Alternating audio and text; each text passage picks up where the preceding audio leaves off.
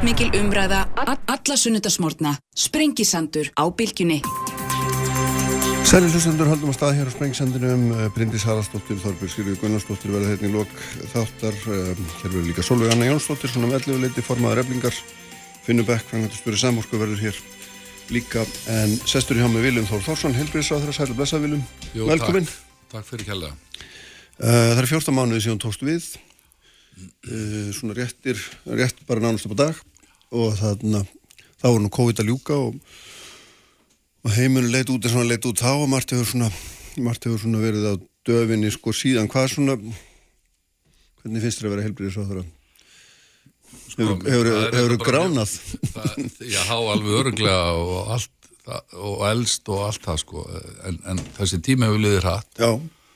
og það er nú ofta oft hannig að ef að tími liður hratt þá er eitthvað uh, að gera og, og, og oftast skemmtilegt. Þetta er auðvitað mjög heillandi verkefni. Mm. og stórt verkefni. Og okkur hættir kannski til að að því þú kemur hér inn á sko í hvaða tíma hvaða tíma við höfum lifað sem er raunverulega ótrúlega og, og svona kannski hraða þeim áskorunum sem að blasa við þjóðum heims getur við sagt í, þegar kemur að heilbriðist þjónustu og af því að þetta hafa verið mjög krefjandi tímar um, ég kem eh, inn í ráðanöldið í, í desember og þá er, er, er á fer hann á neyðastig fljótlega og við förum inn í kannski þegar kemur að smitum hörðustu bylgjuna.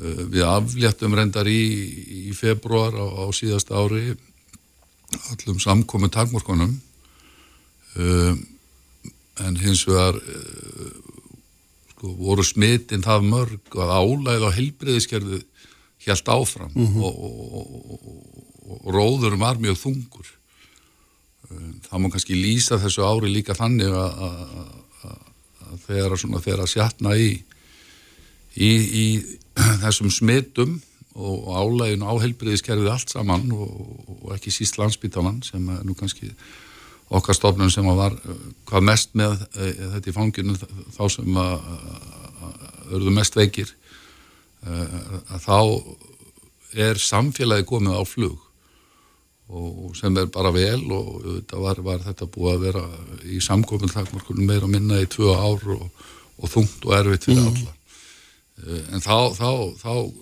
tekur við hér ferðamannasumar. Það oftast uh, byrtist líka í auknu álægi á, á heilbreyðskerfið eins og að gerði.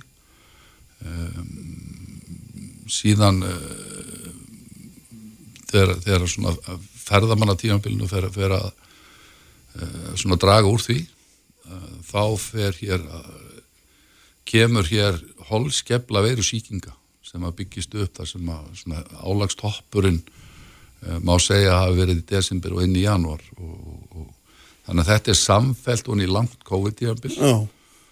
og þetta eru þetta hel, heljarinnar verkefni fyrir helbriðiskerfi að kljást við og ekki bara hér á Íslandi og, og reynir bara mjög verulega á mm. helbriðis starfsfólk og þolkjaði og við erum auðvitað kljást við þetta á sama tíma og en það er nú oft sagt að við svona kringustæður þá afhjúpist veikleikar og, og það má kannski segja það að það sé inn í framtíðina það sem heilbriðiskerfi þurfa eh, helst að kljást við er að, er að fjármakla kerfin Já. til að mæta þessari eftirspurn sem er, er alltaf meirinn frambóð og, og, og svona þessa þetta plássleysi það það sem við horfum á er að hinn vestræn heimur fór fyrir kannski 20-30 árum allir í það með framþróun læknisfræðinar og í meðhendlun að skera niður legurimi það sem hefði þurft að gerast hraðar og meir og fyrr og við sjáum í dag er að byggja upp öll önnur úrraði, fjölbreytt úrraði mm -hmm ekki síst fyrir eldra fólk þar sem að sko, veikindi verða meiri og, og sjúkdómar aukast a, sem eru endurhæfingarúræði, kvildarrými uh, og, og, og hjógrunarrými. Nú sér, þetta allt saman. Nú svona affjúpast þessi mynd já, í þessu mikla aukna álægi. Sem dæmi bara því að við erum oft í umræðinni að sko kannski ekki alveg að tala út frá heldarmynd eða staðrindum og gögnum mm -hmm. að sko á síðast ári e, þá eru legundar bara svona í gegnum bráðamótöku e, jafn margir í kringum 8-9 þúsund og, og voru samtals árið, e, árið þar á undan 20 og 21 mm. á einu ári sko. og, og þá auðvitað afhjúpast þetta, þetta plásleysi. Já, þrátt fyrir COVID sem sagt að þá, þá er þetta óbreytt. Já, og við höfum mikið... En hvað gerir við þessu viljum? Við höfum haldið áfram að tala um þetta og verið upp aðstundin. Hvað, hvað ætlum við að gera í þessu? Við höfum sko verið svolítið í varnarviðbræði með Já. fólkin okkar auðvitað og, og, og verið að gera fjölmarka breytingar bæði á spítalanum. Við erum auðvitað að byggja upp til lengri tíma við ringbröð en það sem við gerðum á síðast ári umfram það sem var á framkvæmda áallun var bara reynlega að opna rými mm. og, og, og við opnuðum 39 endurhefningar rými á Solvangi, hröðum því það opnaðist uh, við opnuðum uh, 60 rými í Móbergi á Selfossi í Hjúgrunarrými þar voru 40 rými sett í forgang fyrir landsbytala uh, sem dæmum það að þarna þurfti bara, þarf fólk bara að vinna saman og við mm. í lausnum en síðan eh, kalluðu við bara til og hjókunarheimilin, samtök fyrirtíki velferðarþjónustu, spítalan og alla spítalan hérna á kragasvæðinu eh, til þess að finna út úr því hvar við gætum breytt og bætt við rýmum og bættum við eh, 30 rýmum eh, utan eh, framkvæmda áallunar til þess að tryggja flæðið á spítalan þegar mm -hmm. búið er að meðhandla sjóklinga og og líklegast hefur þetta bjargað okkur í gegnum þessa holskeplu sem við fundum fyrir núna í lóksíðast ár og einu þetta ár. En það er náttúrulega lengur ljóstaði sko sagt, öldrun þjóðarinnar og yfir höfuð bara öldrun fólks á Vesturlundum er risavaksi verkefni sem henn hafa lítið viljað horfast auðvitað við, mun kosta mikla peninga eins og nefnir, mikla framkvæmdur og allt örum sviðum.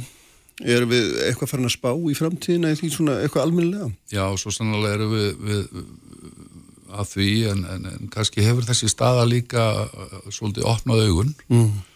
um að það þurfum að gera meira og fyrr og, og þegar við tölum um þessar ytri áskoranir hvort sem það eru heimsfaraldrar eða aukning lífstílsjúkdóma og, og vaksandi öldrum þjóðarinnar uh, við erum hlutastlega yngri að við mælum út frá því hver 65 ára eldri heldur en aðrar þjóðir. Það byrtist í útgjöldunum en við sjáum það gerast núna að hlutvarslega hafa útgjöld aukist mest hér e, svona í, í samanbyrðu við okkar þær þjóður sem við erum að, að horfa til í samanbyrði og, og þannig að útgjöldin munu aukast. Mm. þau hafa aukist um núna á tímubili þessar ríkistjónar um 80 miljardar á förstu velagi frá 2017 Uh, úr 260 upp í 345 miljardar cirka heldar framlög en í þessu eru reyndar fjárfestingar líka. En, en þetta er svona einföld nálguna að sjá hvernig myndin er. Útgjöld uh, á einstakling hafa líka hlutaslega aukist mest hér í, í, hjá OECD Við erum ekki búin að svara þessari framtíð Nei, er Þetta er byrtingamyndin af því að, að, að vaksandi öldun, þetta er svona síð yfir Já. og nú svona byrtist þetta okkur svona raunverulega í tölunum. Og við þurfum að hraða hér uppbyggingu, það var farið í áttak 2017 í, með framkvæmta állin en, en fjölmarkar uh, framkvæmtir hafa bara tafist á þessum tíma fyrir margarlutasakir eh, við þurfum bara að bretta upp ermar og byggja hraðar mm. og byggja fjölbreytar og, og, og, og þarna reynir nú kannski á heilbriðis kerfi og heilbriðis stjónusta uh, er samofinn efnaðarslegum og félagslegum þáttum. Mm. Það er mjög mikilvægt að horfa til þess ef við ætlum að mæta lífstilsjúkdómum og aukningu þeirra inn í framtíðin og þá verðum við að efla okkur, efla forvarnir við tilenguðum líðhelsuðingi hérna forvarnum og við þurfum að kalla til raunverulega allt samfélagið í þeim efnum. Það, það, mm. það, það getur ekki kvilt bara á heilbriðiskerfinu. Nei. Uh, en, en sko og, þú, þú varst nú formað fjallaðanemndar bara þá þú varst heilbriðis á það það sem að hérna og mjög leiðir að auka, auka útgjöld einmitt til, til heilbriðismálun, ekki satt? Og hérna, ef maður myndi spurja heilbríðstafsmenn, það myndir segja, það myndir áræðilega segja að það hef aldrei verið nóg og nú ertu komin hinn með í bors Ég hef velt er kerfið fjár, vannfjármagnað? Nei, það er ekki, að því þannig, það er ekki hægt að fullera það. það er ekki að Nei. Nei. Og það held- fyrir allar yfirlýsingar allra þeirra sem það vinna, en það sé vannfjármagnað, þá til segja að- að það væri ekki rétt.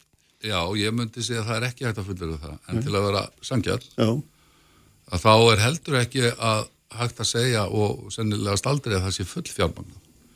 Því að um leið og við erum farin að- að segja að eitthvað sé vanfjármagn eða full fjármagn, þá verðum við að segja hver er hinn rétta fjármagn. Mm. Af því að þú ert nú í þessum þættu og mikið í umræðinu er verið að ræða efnagasmálinn í, í, í, þeirri, í sinni stóru mynd og kjaramál uh, og uh, þar eru við og, og, og ekki síst verðbólguna sem að nú er að hrjá okkur það sem mér hefur fundist kannski og, og, og nú er ég að taka þessa samlingu og reyna að leiða þetta kannski í stóru myndinni mm. þar eru við að horfa á allt út frá þjóðarsjöfnu við förum inn í faraldur sem reynir verulega heilbyrðiskerfið og þar jökum við útgjöldin verulega og við, við, allt sem að snýra COVID-kostnaði var bara fjármagnað allt sem að byrtist í COVID-kostnaði inn á uh, heilbriðistofnunum, það var fjármagnað. Allt sem að byrtist í hvort sem það voru álagsgreðslur fyrir aukavaktir eða, eða það að hlaupa hraðar og, og, og, og, og vinna þetta með fólkinu okkar, það var allt greitt. Sko, við erum í þjóðarsumnunni hins vegar alltaf að kljástu þetta jafnvægi heldaframbós og heldar eftirspurnar. Og þegar við setjum mikla fjármunni, peninga inn í kerfið okkar, mm. uh, að þá auðvitað fara þeir eitthvað og þá ekst eftirspurn, það byrtist í húsnæðismarkaði og fleiru. Stundum verður þetta vegna þess að frambóðsliðin e, lækkar, en þetta er jafnvægi þarna á milli, heildar frambóðs og heildar eftirspurnar, þar sem við erum alltaf að reyna að leita jafnvægis. E, við heldum upp í fullri atvinnu eða komum með e, greiðslur til að mæta þe í samkomu takmórkunum og eftirspurnin fjall. E, þannig að við vorum að uppfylla þrjú sko tvö að þremur hagstjórnar markmiðum sem eru að halda upp í atvinnu stíi og, og við halda eftirspurn og, og, og þetta hangið saman. Þetta er ekki sko þriðja efnaðars markmiði, lítur alltaf að vera stöðuleiki, verð stöðuleiki og það er svolítið það sem við erum að sjá í, í vöxtorm núna mm. að Sælabankin er, er að mæta Þannig að þessi... Þú komið svolítið krísu og gleymið mig. Nei, ég er nú allir að fara inn í. Svo erum við að kljástið inn já. í þessari jöfnu. Helbriðistjónustu. Mm -hmm. Þar ertu með eftirspurn sem er alltaf meiri en frambúð. Til þess að setja það í samíkju geta nálgast það svar að eitthvað sé full fjármagnað eða van fjármagnað, þá verðum við að hafa skýr við með um þjónustustig. Þau liggja bara ekki fyrir. Nei. En ef við förum og horfum á það hvað mælir gæði helbriðiskerfa ef við horfum bara á nýjustu skýslu og OECD, þá skorum við hvað hæst á meðal þjóða uh, á alla mælikvarða. En hvernig skýrur það, þessar, hvernig skýrur það þessar eilíu kvarta? Hvernig skýrur það? Það eru, bara, það eru daglegt brauð að hafa verið í mörg, mörg Já, ári. ég veit, og ég hef velt þessu mikið fyrir mér. Ég held kannski að við okkur skortir í þessari umræðu, uh, til dæmis í holskjaflu veirisuginga núna. Uh, við hefðum ekki leist það eitt og sér með því að setja auki, auki fjármagn inn það, það mun alltaf taka tíma í, í, í samvinnu við, við, við, við mentakerfi, við háskólaráðara og, og við mentamálaráðara eins og í dag að sko að manna kerfið mm -hmm. að fjölga og er, við, erum, við erum á þeirri vegferð uh, fjölga hér í, í, í læknarnámi, hjúkunarfræðinámi sjúkrarleðanámi Uh, og, og, og nú þarf þerrfaglega nálgun á að, manna þessa þjónustu mm -hmm. uh, í, í auknum mæli uh, þá verðum við að fara að horfa til þess hva, hvaða mönnunar við með höfu ef við horfum bara á gæðamæli hverða, á heilbriðskerfu okkar þá erum við að skora mjög hátt það myndi ekki gerast ef við værum eitthvað að, spara á miklu til þessum er auðvelt að koma inn og segja að það vantar fjármagn það er auðvelt að koma inn líka og segja, já, nei, það er bara nóg fjármagn. Mm -hmm. Það er eins og við erum með, með, með fjárlög að þá, þetta, þá reynum við að horfa inn í rekstraráðið og fórstuðum en stopnuna að segja, já, þetta er rekstraráðin. Við þurfum svona mikinn pening og þetta eru 70% laun og svo 30% annar rekstarkostnaður, svona bara þetta allra gróast það, það er mikil áskorun fyrir allar stofnanir að mæta þessu. Það, við sjáum það að raun útgjöldun eru yfirleitt svona á bylnu 5-10% umfram fjárheimildir. Þannig að ertu þá að reyna að mæta sko reksturinu með fjárheimildum? Já. Það er heldur ekki gott að setja of mikla peninga inn í kerfið það myndi skekja all viðmið og hagtölur og, mm. og nálgun þá líklegast myndi, myndi ykkur stíga fram og segja já, það er ekkit aðhald í ríkisfjármán þannig að þetta er, þetta er e, sko, þannig að ég umber alveg þessa umbræðu og ég skil hana. Mm -hmm. en ég er lí, líka bara að segja við þig hér, ég er að nálgast skilningin á henni. Það er hægt að segja Eh, þetta er auðvelt vegna þess að á sama tíma erum við ekki að setja hlutinni í eitthvað samengi. Þannig að þegar að hérna, minn koma á bráðatildinu og segja að það er ekkert pláss, við erum við sjúklík á göngur og svona er þetta búið að vera árum saman okkur vantar meiri peninga til þess að hérna, laða fleira stálfólk, það vantar starfsfólk, það er nú bara hann hérna uh, frangatstjóri í lækninga hjá Helsingislu höfborgarsæðisins, Óskar Reykdalsson saði þetta um daginn að þetta væri risamál, mannekla, uh, Runolfur, fórstur í spítalan saði í desember minni mig að það væri alls er að skiplasleysi í helbriðstjónust á höfuborgarsæðinu Já, ég bara, hérna. ég skil alveg þessa, hérna, þessa umræðu og hérna En svari er ekki peningar þínum að þetta er, er myndur þú segja þá frekar að það væri einhvers konar óskipula á þessu kerfveldu saman? Því svo getum við að tekið eitt dæmi viðbútt fyrir ekki að ég bara hendið inn í líka já. sem er það að hérna, þú, þú sagðist að það var áði Messi til okkar, þá er ég Björn Sógall þess að stjórnforman landsbítalans það fór nú ekki vel að stað hjá honum að brenda viti fyrstu tilröðum þannig að kom rángar upplýsingar um ráðningar byggt og fórsturinn þurfti að fara að leiðra þetta þetta er ekki, þú fyrirgeður, þetta er bara ekki sko, þetta er ekki sannfærandi. Þetta er ekki tröstveikandi Nei, ég hérna uh, sko, þetta gæti mér hætt til að segja hérna við því að hérna, Messi klúraði líka viti sko, að við vorum að Hannes í markinu sannlega var hann bara í markinu já, sko. já. en hérna, þetta er ekki þannig og, og, og, og þessi samlíking svona kannski var hún aðeins yfirmarki líka sko. Já. en hún var nú sagt bara í svona léttu tómi. Og, og ber að takast hann en, en auðvitað eru við með fjöld sem hefur bæði verið á, já, það sem ég er að vísa til viljum er, er, er það að veist, við, erum, við erum alltaf að ræða komum hérna og þann að ræða með þetta og svo kemur í ljós að við vítum í raun og veru ekki nákvæmlega. Við erum ekki með réttar tölur, við þekkjum ekki gögnin og vel til þess að farið um brömuna þetta að því að mér virðist. Já, ég, ég bara, sko, ég gæti þetta sagt hér að ég geti tekið undan þetta. Mm. þannig að ég er auðvitað kljástu þetta líka. Og við erum oft ekki með rauntímagögn uh, við erum með gögn sem uh, svona eru kannski stangast á eftir í hvaðan við koma. Og við þurfum að ebla alla gagnaöflun uh, til að mynda þegar kemur að mönnuninni og fjármögnun á bakvið mönnunina Eh, þetta er auðvitað resastólt mál og við finnum sérstaklega fyrir því í gegnum þessa krefjandi tíma og þetta mikla ála, fólk hefur nánast ekki geta tekið út orlof og við verðum að virða þessa stöðu, það er mikið mhm. álag á fólki og þá auðvitað er kalla eftir því að fjölga. E, þá fer maður að skoða já, hvernig er þetta hjá öðrum þjóðum og, og, og þá fer maður tölur sem eru fjöldi eftir stjættum á, á, á hverja þúsund íbúa, þar stöndu við ekki dilla. E, hins vegar verður við að huga þessu til framtíða núna þegar við erum, þjóðun er eldast og eldast hlutvarslega hraða núna með hverju árunnu. Þetta má segja að þetta hafi síið yfir og þessar tvær áskonunir að, að, að, að fjölga hér í, í, í stæstu starfstjættunum og, og, og, og auka pláss af fjölbreyttum úrhafum.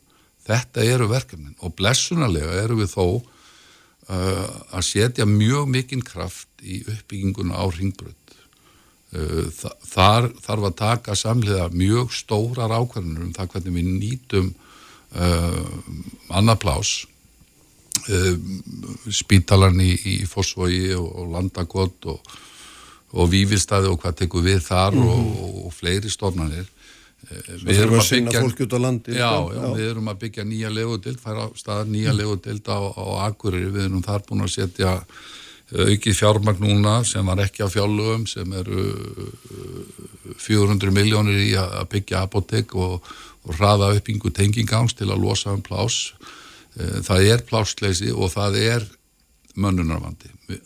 Hann er að byrtast okkur núna og þetta er allt sem hann hár rétt við þurfum raumtíma gögn til að taka betri ákvæmnu, við þurfum að horfa til lengri tíma, við þurfum að uh, heilbreyðisraður að þarf að vinna þetta með uh, skólaráðurunum það er búið að gera margt landstafum uh, mönnun og mentun er ágefandi í þessum málum þannig að við erum að ná fram upplýsingum miklu betri til að taka betri ákvæmnir það er búið að efla hér sérnám og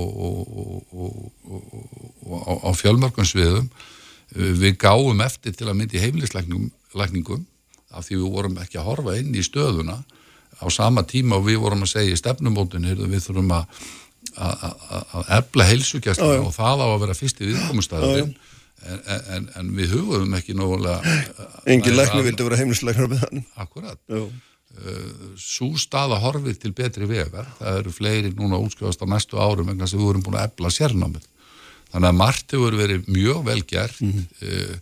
þjónustan inn á helbyrðistofnunum skorar mjög hátt. Það nær ofta ekki inn í umræðuna. Og það er bara mjög vel skiljanlegt í pólitík að við ræðum meira það sem þarf að laga og vandamálinn og það sem úrskeiðis fyrr því þarf maður bara að sína skilning horfin í kerfið okkar, horfa á gögnin og segja hvað þurfum við að gera betur og og mér finnst við alltaf, mér finnst til dæmis tóku við lögum ofnberð fjármál upp hér 2016 sem að kallar þetta svolítið betur fram og mér finnst þú vinna í gegnum ráðundin vera inn að skila sér uh, en vissulega þá verður þetta mikil áskorun og, og, svo verður við kannski gæta því vegna þess að uh, á þessum 14 mánuðum þar sem ég hef upplifað og vil koma á framfæri mm. er ég ég hef nú starfaði ímislegt meðal annars kennslu í framhaldsskóla, háskóla og, og í íþróttaungverðinu en, en, en öflugri fagvitund og maður finnur hjá helbriði stjættum að því að, að, að mikið af mínum dögum fyrir í samtalið hef ég bara ekki upplifað að fundi fyrir mm -hmm. uh, mikið talað um fagvitund kennarastjætt og, og, sko, og kennarar hafi einhvern veginn mistu það frá sér um tíma en, en öflugri fáindund hef ég ekki fundið og þar finnst mér líka mikil styrkur uh mhm. -huh. sem við erum að byggja á vegna þess að við erum að gæta því þegar við erum 19-20 ára og við erum að hugsa, já hvað ætla ég nú að fara að gera þegar ég var stór hvað ætla ég að leggja fyrir við þurfum auðvitað að tala miklu meira um það í ákvaða og uppbyggilega og raunverulega hvað við stöndum okkur vel þó að margt fari miður vegna þess að þetta hefur áhrif á, á, á, á unga fólki og eitthvað sem er að taka mm. ákvarðanum. Þetta er langt og stramt ná á hjá flestum stjettum sem að sinna helbæriðsjónustu uh, vegna þess að þetta er flókið samspil við umhverfið og, og líka minn er flókin og, og, og þannig að við þurfum svolítið að vera hvetjandi fyrir unga fólki til að velja þetta vegna þess að mm þrátt fyrir allt, fjár heilbriðis, þjónustu og, og, og fjár lækningar og snjallvæðingu, þá er þetta svo umönnun, svo uh, grein, uh, þar sem að, að, að, að tækja og tól hjálpa og styðja en, en, en kemur alls ekki í staðin fyrir þekkinguna. Mm. Sko, um leðu talar um þetta og þetta er, þetta er hérna, fögur sín og allt svolítið, þá erum við líka að tala um kerfi sem að er kannski Þú nefndi 70%, ég heldur en alltaf að spítalinn sé 80% af kostnæðinu sé laun eða eitthvað mjög nálægt í og, og, og við vitum að hérna, kjarabaróta er viðvarandi Já. til dæmis þar, hún er bara alltaf í gangi. Hún, hérna, og bara hverjum einasta degi byrtust hún okkur. Og um leiðar við sko, reyna að halda aftur útgjöldunum, mm. samt erum við með þennan lið sem er 80% og, og ég, ég á ennþá mjög erfitt með að skilja hvernig þú og þeir sem haldum taumar allir að halda einhverju jafnvægi í þessu Já, þetta er rísla stór spurning og hérna það, það er, sko, það, mér langar að koma því á framfæri mm. að það hafa ekki verið, það hefur ekkert hig verið á þessari ríkistjórn í að styðja við helbíðiskerfið. Ég ætla bara að nefna að núna á milli umræða, umræðina þá fóru 12,2 miljardar e, sérstaklega til þess að styrkja og efla helbíðiskerfið það hefur aldrei farið jafn á fjárað inn á milli umræðuna inn í heilbyggiskerfið. Þetta er mjög mikilvægt. Það fóru 18 miljardar á fjáröka uh, á síðasta ári. Uh -huh. um, til þess að mæta þessu aukna álægi sem við fórum hér yfir hér, hér á öndan um, þetta eru 30 miljardar uh, þar sem að var ekkert higg á þessari ríkistum og ekki á þingin og þar fannst mér frábær samstæðan ástum það er við stöndum vörðum heilbíðiskerfið okkar. Þetta er mjög mikilvægt.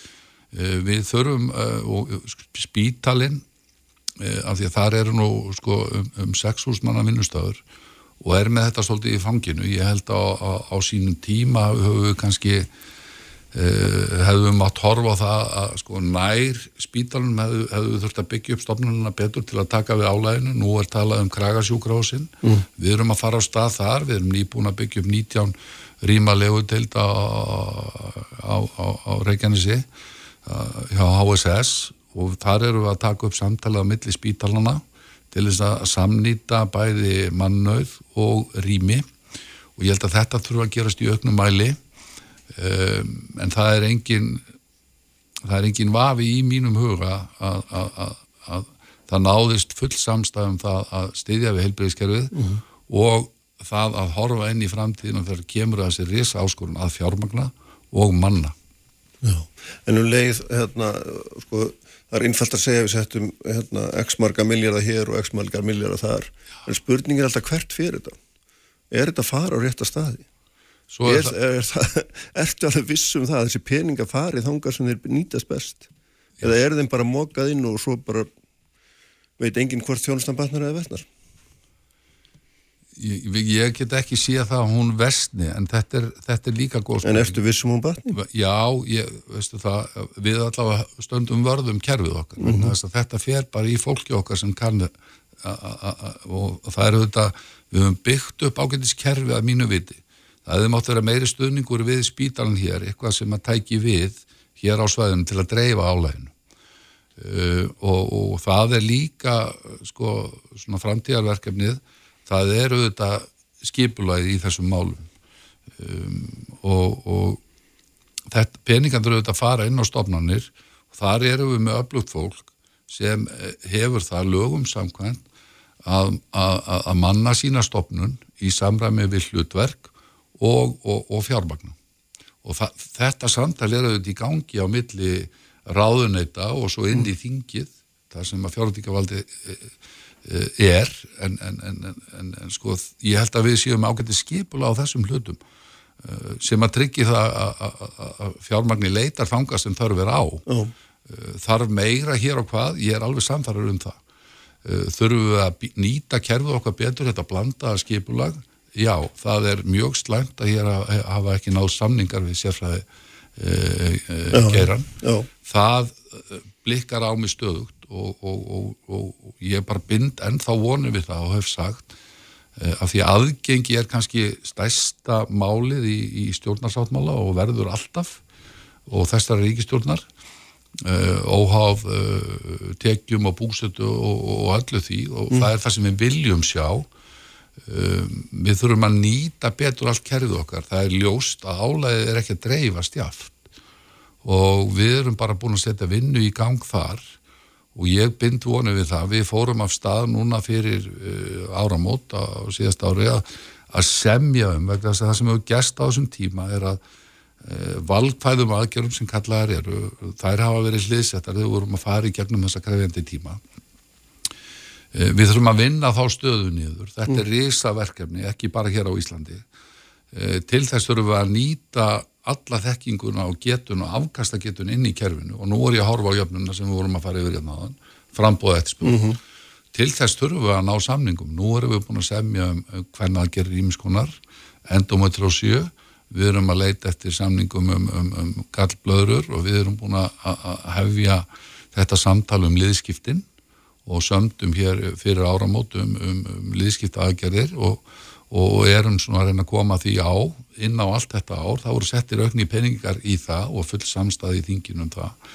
Eh, þetta er leið til að nýta alla afkastagetuna. Það vorst að tala bæðið um það sem við kallum ombert, omberurekstur og, engarekstur. Já, já. já, og ég held að hjá því verður ekkit komist.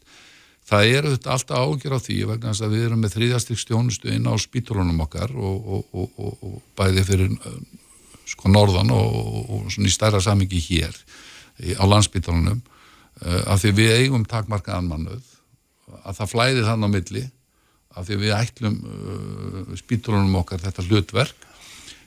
Við gerum þetta ekki öðruvísin enn í samfunnu við sáum það í kóðun og læriðum það þegar að sjálfstæðstarfandi gerin bara lokaði hjá sér þegar spítalinn fór á neðasti og kom inn á spítalinn mm -hmm. og hjálpaði til. Um, þarna sáum við að við getum gert betur í skipuleginu sem þú ert að koma inn á hér. En það eru uh, enn og aftur rauntímagögn og, og gagnaðarblun og, og við erum bæði inn á spítalunum búin að gera fjölmartu í breytingum á, á landspítalunum uh, við vinnum auðvitað með sag líka í að efla hann uh, bæði að byggja upp rými en, en á landspítalunum þá fóru við það einmitt eins og komast inn á að setja stjórn á spítalan mm -hmm. til stuðningsstjórnendum og starfsfólki veita um leið og veitir aðhald sem stjórnamaður þá kallar þetta í gögnum og það eflir stopnununa stiður við breytingar og skipulegi sem nú er búið að fara í og, og, og, og kalla til eh, í breyttu skipulegi eh, nýtt fólk og síðan er bara verið að horfa inn í, inn í allar delti spítanans enn og aftur allar deltir talandum álag eru með yfir 100% nýtingalutvall mm það er byrtingamindi sem við erum að kljást við akkurat hér og nú. Það er frábært í viðskiptum en er kannski ekki ja, sérstaklega aðdraðan, hérna, aðlæðandi í þessu. Já, æskilegt kannski 85% og sem er svona flestum spítulum sem eru það sem að svona hlunni ganga öllu jafn og mm. snörðuleust og það eru þetta það sem við þurfum að gera en, en, en við þurfum þá að byggja upp öll annur úrræði. Ég er að vinna hér e, þvert á félagsmáraðandi með félagsmáraðara, með fjármáraðara, með sveitafélagunum í að horfa inn í framtíðina og mæta þessari vaksandi öldrun með fjölbreyttum úrreðum. Uh, ég byrð mikla vonið við það verkefni það heitir í dag gott að eldast. Og þar eru við að horfa inn í, í, í bæði forvarnir, mm. E, endurhæfinguna, kvildaríminn sem er ekki síst nöðsynlega, ekki bara fyrir fólki þegar að er að kljást við krankleika heldur líka aðstandendur.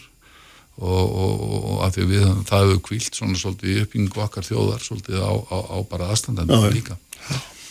Nákvæmlega, það er hérna við rættum það eins fyrir þáttunum við getum verið hérna alltaf en það er bara ekki bóði Ég skil ekki því hvað þú farminn til að tala mikið sko, segja það er, það er góður árangur, það er góður árangur. Heyrðu, við verðum að láta hérna, þessu logi í bíl allavega. En takk fyrir að koma. Miklu frekar, kæra hakil Takk, takk, við höldum áfram með þetta einhvern tíman síðar alveg öruglega, en hérna þær verða hérna eftir Bryndis Haraldsdóttir og Þorbjörg Sigriði Gunnarsdóttir hérna einhvern tíman hálftóleitið, Solveig Anna Jónsdóttir verður hérna mellu og Finnur Beck frangaðustöru samorkuðið síðan næstur Uppspretta frétta á Sprengisandi á Bilginni Sprengisandur, alla sunnudaga á Bilginni Sæli hlustundur, uh, Viljum Þór Þórsson farir hjá mér frá mér eftir ítrætt til leiguferð hér um um helbriðskerfið. Uh, þar verða hér í lokþáttar Bryndis Halsdóttir, Þorberg Sigurður Gunnarsdóttir, svo verður Solveig Anna Jónsdóttir hérna líka á eftir. En sestur hjá mér Finnur Beck sem er frangvandustóri Samorku, sæl og blessaður. Sæl og blessaður. Velkomin. Takk fyrir. Gamalt félagi og fréttamennskunni. Jú, passar. fyrir þó nokkrum árum reyndar. En sama, ágætt að halda það til haga. Hérna, og þú ert búin að vera lengi í orkugerunum. Já, ég er búin að vera tölvöru tíma. Uh, ég er búin að vera svona alveg beint í honum frá 2015. Starfa áður í hérna, gerunum, var ég á Hásorku sem lögfræðingur þar og um tíma, tíma fórstjóri. Þar aður var ég búin að fást við lögmennsku þannig að ég var tvörverst að fást við orkutend málefni þar, mm -hmm. gerðardósmál og annað. Þannig að þetta er ekkert nýtt fyrir manni og gaman að vera komin í nýtt hlutverk, mjög spennandi hlutverk sem ég er að taka með núna. Já, samorka er bara í tömlínum nákvæmlega hvað? Já, það eru samtök orku og veitu fyrirtækja. Já. Þannig að við erum með mjög fjölbryttan hóp aðaldar fyrirtækja. Það eru þetta, hérna, svona þessi hefbundu fyrirtæki sem annast uh, fráveitur, vassveitu, uh, hittaveitur sem oftar en ekki eru, eru óbyrra aðalar og svo erum við með einanbors orku, orku geiran í raun og veru og það eru fyrirtæki sem eru í samkeppni og samkeppnismarkaði mm -hmm.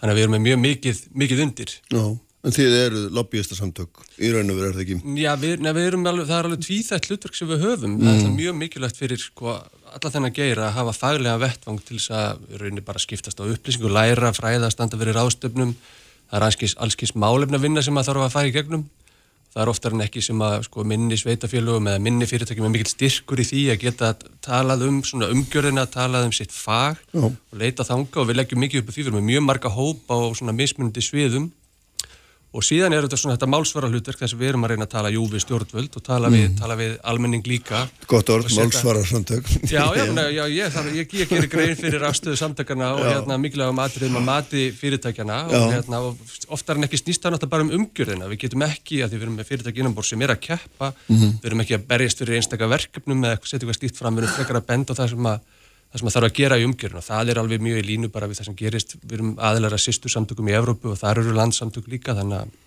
Já, menn það, það, það eru við. Þið eru að skoða svona heildamindina og, þetta, og, og samtökinn hafa þetta verið að svona tekið þátt í að móta hugmyndur um það hvernig hún lítur út í, í orkugerunum bæði hvað varðar orkuöflunina sjálfa og, og hvernig hún á að fara fram og svo framvið sko. Mm. Og við sjáum að það er, við erum að tala um gríðalega stærðir sem að já. eru undir og feikilega mikilvægt mál já, já. og sem að hérna, sem stendur mikil styrrum hvernig neyja hvernig er nálgast. Já, við getum alveg talað svolítið um það. Mér finnst alltaf aðtiklisvert sko í hvaða farvegi umræðin hér á Íslandi er ofta því að maður fylgist með umræðinu bara hérna í Evrópi, í nákvæmlega mm. löndum okkar, þá finnst mér nú að vera annars konar.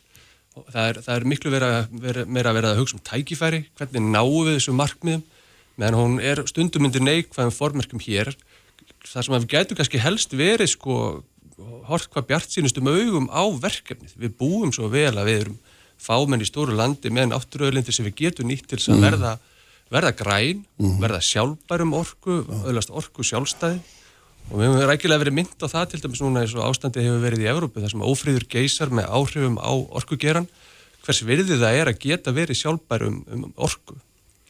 Ég veit ekki bara hvort að maður, maður hugsa þetta sko því þú varst bara lengi fréttunum, hvað mm. heldur þú að hafa gert marga fréttur um þróunu elsneitisverði eða, eða ástandi í miðausturlundum mm. og hvernig það mun seitla inn í orkuverði, sérst elsnittisverði til, til heimila og fyrirtækja og ef þú speiklar það við tækifærið í því að Ísland getur verið sjálfbært um það að eiga orku í, í sinn flota, í sinn mm. flug þegar þetta framtíðar horfir. Uh -huh. Þetta eru ótrúlega tækifæri sem við höfum og, og stjórnmálinn og samfélagi verður þetta svara hvernig við viljum, hvernig við viljum komast okkar. Það er þetta stóra spurningin og líka hvernig við forgámsröðum þeirri orku sem við höfum því að hún er auðvitað ekki endalust, við getum ekki endalust Hvorki eru hérna auðlindir endalusör nýja heldur getur við gengið á landi því það er líka mjög mikilvægt að varðveita það að stórum hluta Já. og stærstum vantarlega. En þarna stendur nýfurind aldrei í kunni. Já, sko, tækifærin eru ærin og auðlind, mm. eru miklar og þær eru að þróast og vindorkar er alltaf eitt dæmið um það sem við hefum kannski eftir að, eftir að ræða og við eigum alveg að geta að ná þessum markmiðum ef, ef við höldum bara áfram ótröð. Já, það er auðvitað orðað að þannig, en ég minna. Það er auðvitað, auðvitað að þannig en, en, sko það er, hvað þýðir það að halda áfram ótröð? Hvað ja. þýðir það? Eða að töfalda orkuframlýsluna á næstu 20-30 árum eins og kemur fram í skilum skýslum, skilurum? Já, menn, það kemur fram í skýslum. Já. Það er gott að skilja bara nefna það að orkugerin auðvitað finnur til ábyrjar í því að það er búið að setja markmið, óbyrjur markmið og jafnvel lögfesta sumi markmið. Það er búið að lögfesta markmið um kólabinslutlissi árið 2040. Það er búið að lýsa því yfir í stjórnarsáttmála að Ísland verði í jarðefni elsnittis laust árið 2040 það er rosalega stíft markmið og ástæði fyrir því kannski að, að það, það er fyrst sett í samingi orku, orku og veiturgerunum er að, að þar starfar fyrir fólk á sko mjög laungum tíma ás, bara mm. verkefni sem er fyrir að þróa, hugsa og vinna, þau gerast veist, verkefni til kannski skemsta, skemsta verkefni sem getur farið í kannski 6 ár, 4-6 ár í þróun, oftar en ekki bara fleiri áratíu sko, frá því þú byrjar til dæmis að vinna á jarvarmasvæð, verður að kanna það, læra inn á það gera, ranns, rannsgera hólur og annars lík mm. þannig að ekki ráðnum í tíma sér tekið og, og samarska vissulega fór á stað og sett í samengi hvað þýðir það? Ef við skiptum út jarðarnæðsneitinu, reiknum bara orkuinni aldrei á því og færum yfir í raforku og einhvern hluta í, í rafelsneitu. Það skilar þessari tölum. Já. já, það gerir það og, og það er vissulega bara rosalegt verkefni sem, að, sem við stöndum fram með fyrir. Já, já, en, en það er auðvitað fullkomlega óvinnanlegt vegna þess að eins og þú ert sjálfur að lýsa þá er þetta svo mikið langtíma verkefni Já. og þú, þú hlýtur að það þurfa að vera komin á stað með núna drjúan hlutaði sem er ekki í pípólum eftir því sem er neskjöld. og það er ákveðlum það að fara á stað að hérna verið breytt umgjörðin þannig að það sé að sjá fyrir hvena máma að fara á stað, byrja að leggja niður mhm. verkefnin, mm -hmm. þannig að þau getið mætti sér að eftirspurn og ég held að Íslandika getur verið nokkuð stolt af því að það búið að setja þessi metnaðafullu markmið Ísland vil standa sér vel í, í og samfélagi hefur svarað þess að mínu dómi mjög vel. Almenningur er að stíga sín skrefi að ráfaða bílana, fyrirtekin eru að flegi ferði að kanna möguleikana hvernig geta þau tekið sín skref og þetta er allt í gerjun þarna úti mm -hmm. og það er kannski svolítið breyting sem ég sé sjálfur svona á, á því hvernig við höfum hugsað um ráðskukerfi, það var eiginlega svolítið byggt upp undanfjöldum áratugum síðustu halva öldin eiginlega í svona stóru skrefum þar sem að var fundin einhver svona forsenda fyrir nýju virkjunarverkefni eða mikillir stækkun, fundin stór notandi sem er svona laðið grunninn að þeirri fjárfestingu og það er þessi stóriða sem að þú varst að, varst að vikja mm. og um leið þá hugsa fyrir því að við ættum alltaf afl og orgu fyrir almenning og svona minni fyrirtæki í landinu. Þetta var allt svona fyrir fyrir sjálf þróun sem er mjög svona stýrð en núna erum við að komast á þann stað þetta er allt miklu dýnamískar og gerist miklu hraðar, það er samkeppn og orgumarkaði þannig að fyrirtækin er að geta að leita víða um það hvað þau vilja fá orguna og það sem að skiptir orkumálin, orkufyrirtækin máli er að við séum með kerfi sem er skilvirt, sem skila niðurstu og svona nokkuð fyrirsjálega. Mm -hmm. Og þegar ég segi það, þá skiptir mjög mjög máli, það er engin að byggja um afslátt á neina þeim kröfur sem við höfum. Við erum með mjög hliðstæða kröfur við það sem gerist í Evrópu. Það eru kröfur í skipilasmálum um samræfi sveitafélag og kynningar og verkefnum og annars líkt. Það eru mjög stífa reglur um umhverfismat sem að fer alltaf fram á stórum, stórum verkefnum sem er að kanna umhverfisáhrif, áhrif á fugglalíf, áhrif á minjar og hérna alla, alla náttúru. Þetta, þetta er allt eitthvað sem við þarfum að gera en aðalættir er að þessi kerfi séu skilvirk. Og þú getur séð fyrir að hvort að þú sétt með verkefni þegar þú skoða lögin, mm. hvort þú sétt með verkefni sem mun fara þetta í gegn. Og þá heldur á stað. Og það er ekki heppilegt að vera með kerfi sem krefst þess að öll þessi vinna sé unnin, allt þetta mat sett inn í eitthvað kerfi sem að enga síður er einhvern veginn háð einhverjum öðrum lögumálum og þá er ég að tala um rambaáallum þar sem að það kannski skiptir máli bara á hvaða kjörtumjöfnbílum að lendir hvort að verkefni fyrir gegn, það er engin mm -hmm. leið til þess að búa umgjörðum þessu atvinnugrein. En nú þykir þóttu nú rambaáallun vera feikilegt framfara skref Já. Þú vorst að segja okkur að hún virki ekki og þetta eru margi búin sem hafa orðið til þessu undan en, en, en kannski ekki með nákvæmlega þessum fórsöndum Já og ef við tölum sérstaklega um vindin ef við hugsaum um sko rambaáallun og ef maður skoða bara lögskýrigagögnin um rambaáallun þá var mjög sterk þar svo hugsun að það væri eðlert að þjóðþingi kæmi að því að það væri verið að setja niður hvað ætti að virkja og hvernig verið að vera að binda hendur komandi kynsluða og það, það er gott og gilt sjónamið en til dæmis með vindorkunýtkuna þá er það miklu nær því að vera ákverðunum nótkun á landi í ákveðin tíma. Vindorkuverð lifir í svona 20-25 ár. Eh, það er nánast að fullu afturkræft. Og getur gengið frá því þannig að þú sérfalla að þarna hafi verið, verið nokkur orkuframleysla þegar líftímanu líkur og þess vegna höfum við lagt áherslu það í okkar afstöðu varði vindorkuna að sveitafjölinn getur svolítið ráðið í hvernig landið... Þið viljið þess að taka hana út úr ramma áhersluðinni? Já, al alveg klárt. Bara vegna þessari séringina sem að vindorkan... En hver á að ákveða hvort, hérna, hvar vindorku gardarnir verða?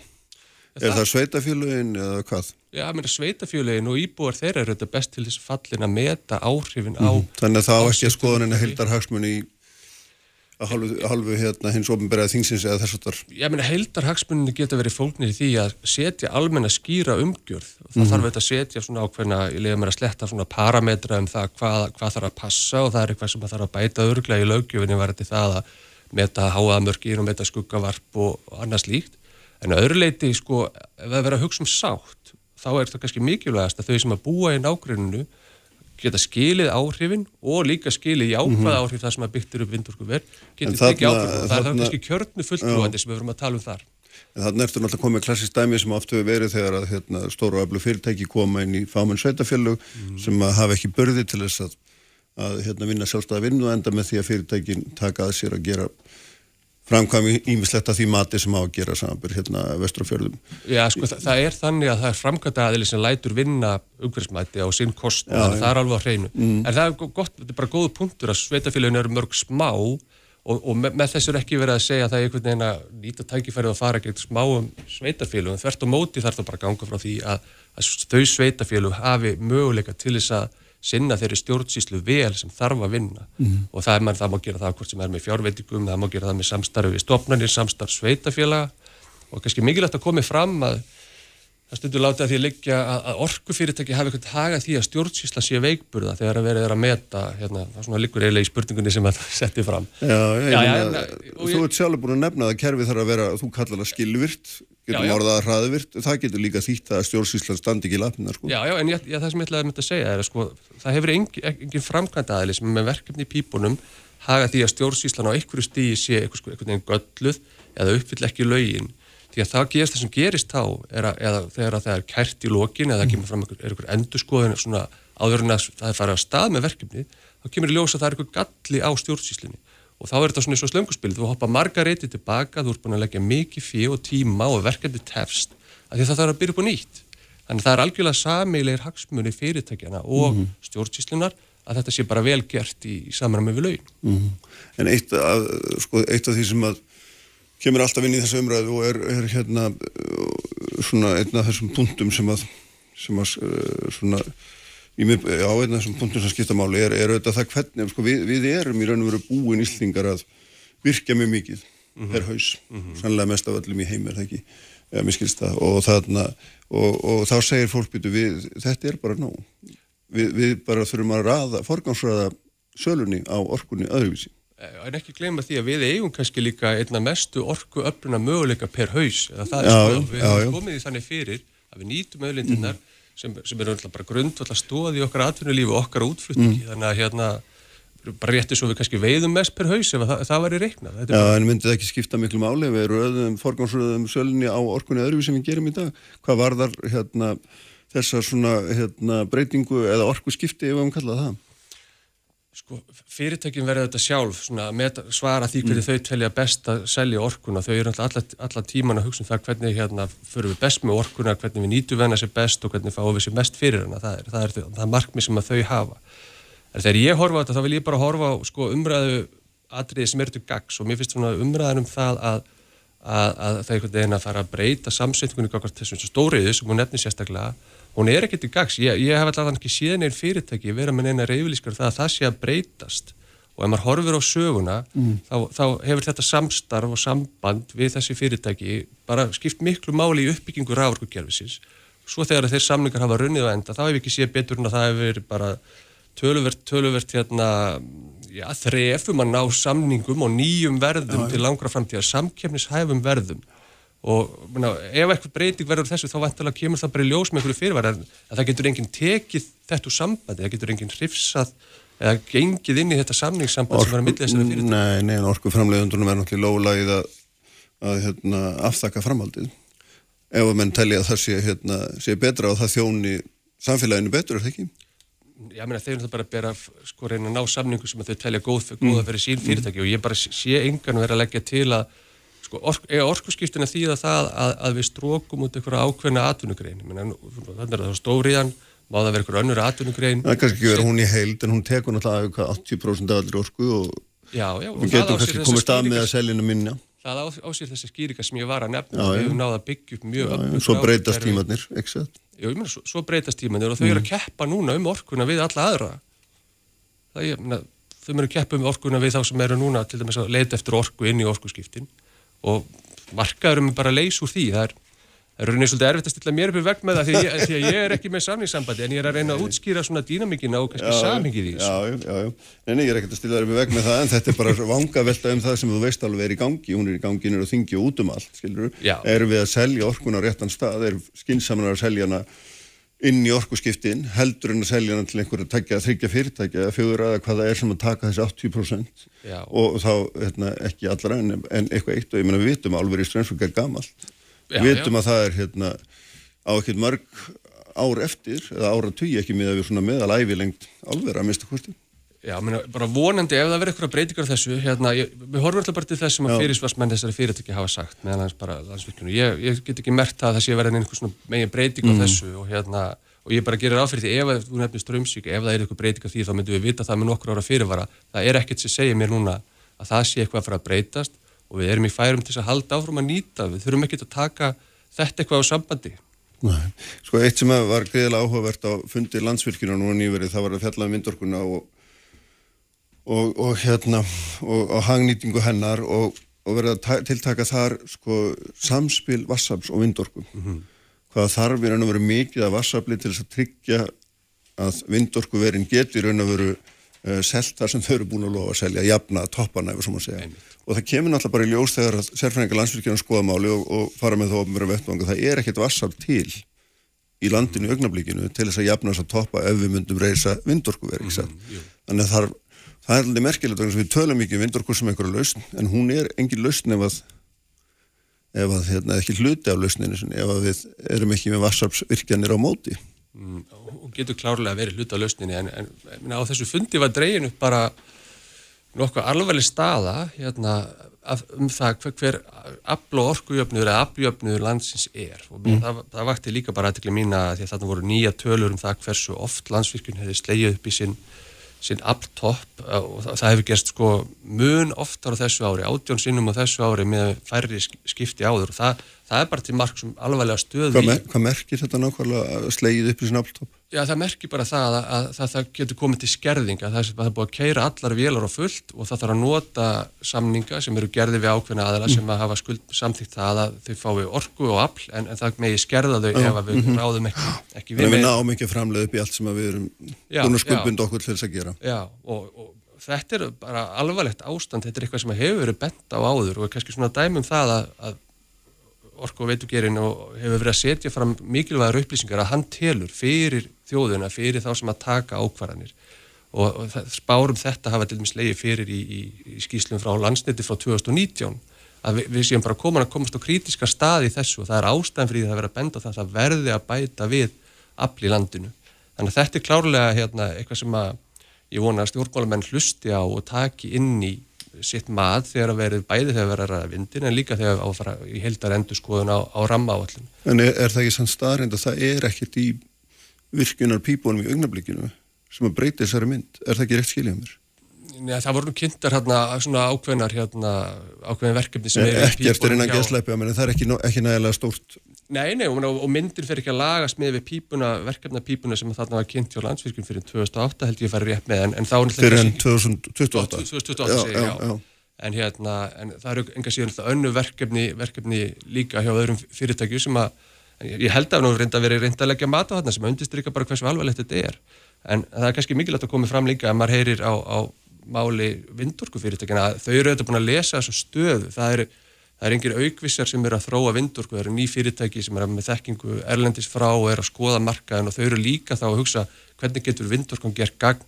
Þó að þetta sé ekki til staðar og það er alls konar möguleika sem er að þróast og eru til skoðunar, það er verið að, og landsvirkir dróð það bara mjög vel upp á þessum, þessum gagmerka fundi að það er að vera með vindorkuframlöslu fyrir nótundur sem að geta teki við sveiblum, það er eitt, það er líka mjög mikið þróun í, í orku geimslum, það er klárlega eitthvað sem er búið að teiknin í allt regluverk mm. erlendis. mm þannig að þetta, þetta, er bara þetta er skamtíma staða en aftur vindorku fyrirtekin er að horfa til margra áratuga og erum, það, það er sjóndeldarhingurinn þannig að mm -hmm. þetta er ekki, ekki kjörtjónbílun þannig að það er auðvitað dregin upp myndastöðun í dag sem, að, sem að er alvarleg. Já. Ljómandi, hérna svona setja gott í bílu finnur. Og hérna takk fyrir að koma. Já bara takk fyrir mig. Og hérna tölum saman síðar. Solveig Anna Jónsdóttir verður hérna hjá mér eftir augnablík og svo eru það hérna í lokþáttar Bryndi Sarastóttir og Þorbjörg Sýriður Gunnarsdóttir.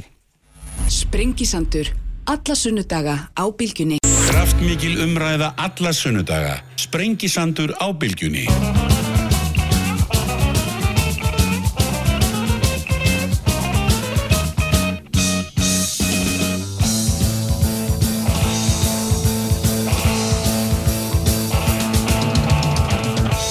Sæli aftur hlustundur, Finnur Beck, færum fram með þær eru hérna eftir Bryndi Sæðarsdóttir og Þorberg Sigri Gunnarsdóttir og Solveig Anna Jónsdóttir formaðar eflingar. Sest, sæl og blessuð, velkomin. Takk fyrir. Já, morgundagurinn, byrjum bara þar. Já. Það gætu fallið dómar, bæði fjálsdómi og hérastómi, sem að geta nú orðið ansi öllaðaríkir. Sannlega, sannlega. Félagsdómur gætu fellar um það hvort að verkvælsbóðurinn og Íslands hótelum er lögmætt, ekki satt? Jú. Og hérastómur er að fjalla um, hvað er hann nú aftur á fjallum? Uh, hérastómur tekur fyrir um, innsetningar mál. Já, kjörskrána. Já, kjörskrána. Já, auðvitað, nákvæmlega. Uh, og svo er eitt, já, ríkisáttarsamlega með það mál þess að mann ætlar að innhemta kjörskrána, það er bara forvitnilega að spyrja, ætlar að afhenda kjörskrána ef þú tapar því máli? Ef við töfum því máli þá um, hekki nú að við áfriðum því. Þið áfriði því? Já en við skulum sjá hvernig þetta fer. En svo segir þá gæti auðvitað farið svo að um, niðurstaða lægi fyrir í báðum þessum málum. Já. og auðvitað munum við þá bara um leið og niðurstaða likur fyrir meta um, hver næstu skref verða. Ég hef fulla trú á því að í báðum þessum málum muni ebling hafa sig, sigur. Mm -hmm. um, hvað var þar Ég talaði fram á manni félagi aðdunurreganda samtökum aðdunurreganda hann fullirti við mig yðgagstæða. Já, að sjálfsögðu, að sjálfsögðu.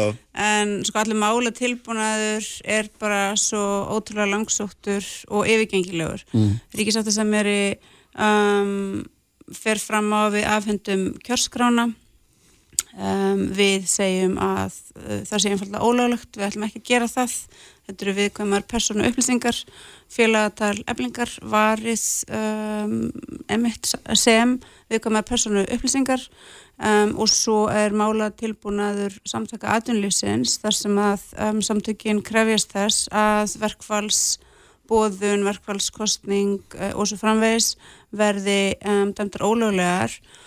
Um, sá málatilbúnaður er hinn ótrúlegasti. Mm -hmm. Samtökinn halda því fram að uh, um leið og ríkisættar sem er í afhendi formanni stéttafélags tilbúna meðlunar tillögu þá sé verkefliðsfélagið sem umræðir samstundi komið, komið undir friðarskildu sé í lagalegum skilningi í raun með undirritaðan kjærasamning Já sem að auðvitað bara stendst enga um, skoðun. Það sé óheimilt að búa til verkvall sem meðan aðkvæða greiðslunni stendur og ef þið tapir því. Þetta stendst auðvitað bara enga skoðun. Nei, nei en, Þessi, ég, en ég spyrði samt ef, ef já, þið tapir þessu, hver er þá staðan? Já, þá eins og ég var að segja rétt að þá auðvitað bara skoðum við um, hva, hvað við getum gert mm.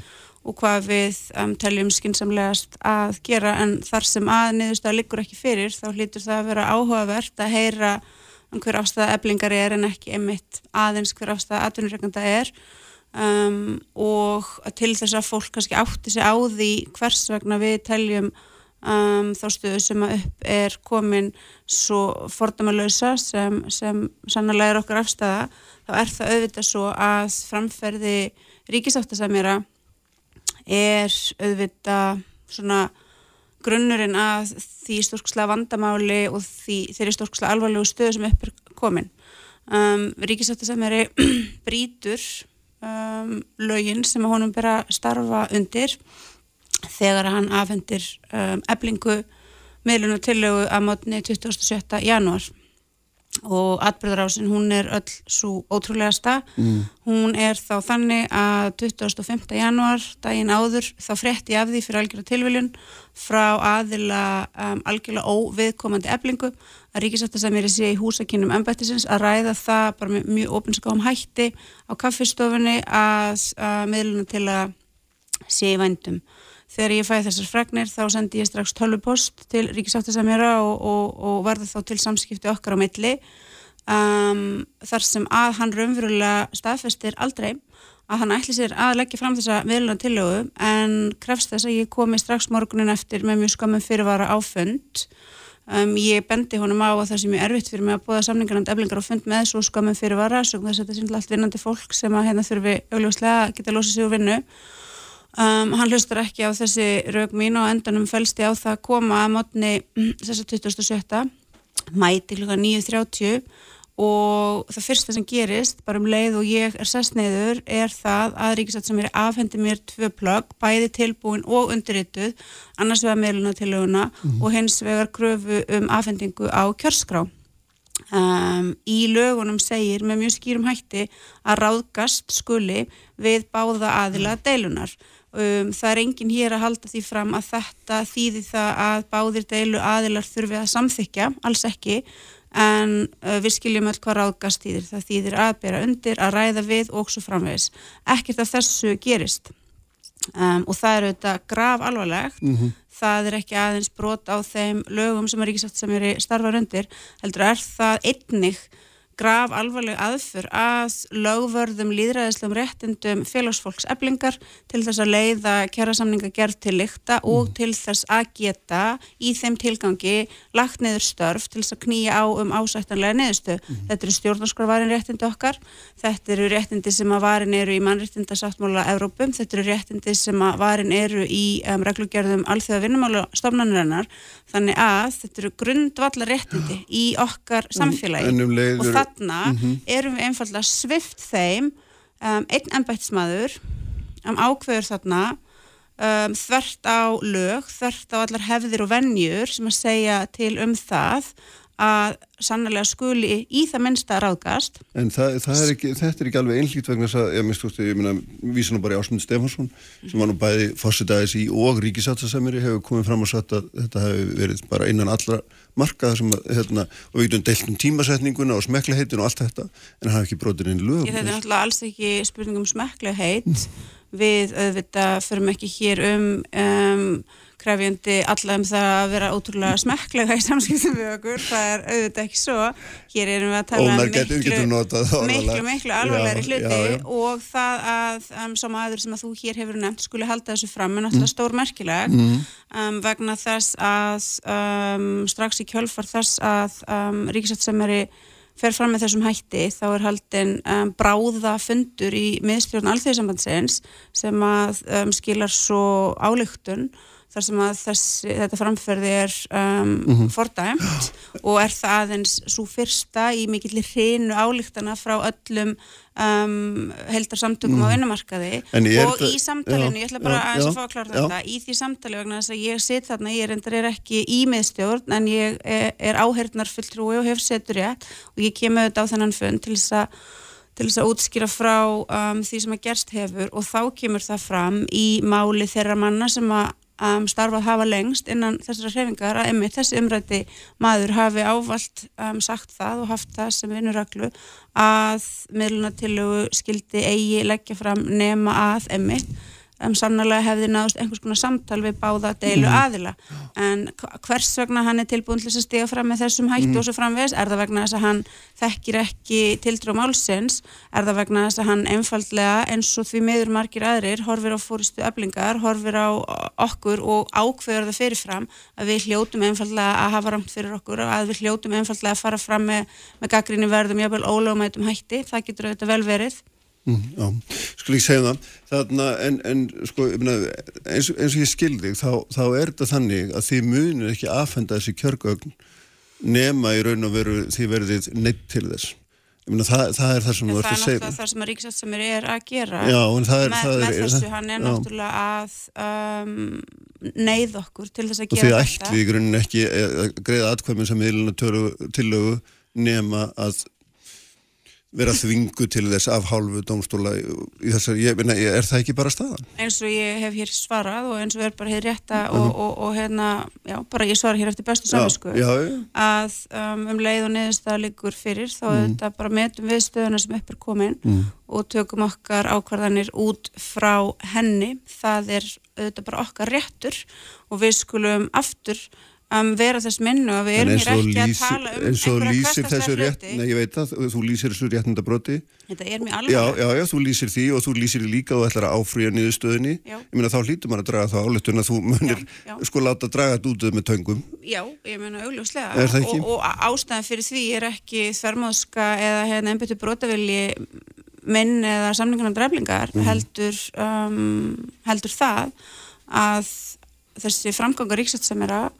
sem að samtök aðurlífsins um, ætla svo líka að nota til þess að fá um, verkfalls atkvæðagreðslu, verkfalls aðgerðir og svo framvegis eflingar dæmdar ólöglegar eru, það er hér ólöglega. Mm -hmm. Þarna hefur átt sér stað um, graf alvarlegu hlutur og um, ef að fólk ætlar einhvern veginn að aftur afvegarleiðast út í þann móa láta sem að þetta sé allt vegna þess hver fórist eflingar er hérna erfið í samskiptum mm -hmm. þá ætti í það minnsta það að öll heldarsamtök fólks á vinnumarkaði á samt fjölda annara um, bara sjálfstæðara félaga hafa stíðið fram og rækjum með mjög greina góðum hætti hvers vegna um, þau fordæma þessa, þessa nálgun og þessar aðferðir mm. ríkisátt að semjara og við getum líka haldið áfram að ræða um, aðkomi ríkisátt að semjara að allir þessari deilu. Vegna þess að um, þessi, þessi svona klímaks sem að þarna verður hann auðvita þegar við skoðum atbyrðar á svona fram að honum um, þá kannski á endanum ætti þetta ekki koma óvart. Vegna þess að staðrendin er svo að þrátt fyrir það að ebling hefði sannlega sjálfstæðan um, lögvarinn samningsrétt og um, að það sé sannlega grundvallar hlutverk verkefliðsfélags, formans og samninganemdar að leiða kjærasamningsgerð til lykta, þá er það einfallega svo og um það er ekki hægt að þræta að strax frá því að við höfum vísa deilunum til ríkisáttasemjara komi ljós mjög fljótlega að það var engin vilji mm -hmm. hjá ennbættinu til þess að knýja á um það að raunverulegar eðlilegar samningavirðar færu af stað og ég ætla ekki að þykist það að farið í gegnum margar samningslótur en ég hef sannarlega verið í erfiðum kjæra samningsviðræðum, ég hef ímislegt séð en þetta hef ég aldrei upplifað áður mm -hmm. að ekki... Þannig að frá upphafi var, voru samningsviðræður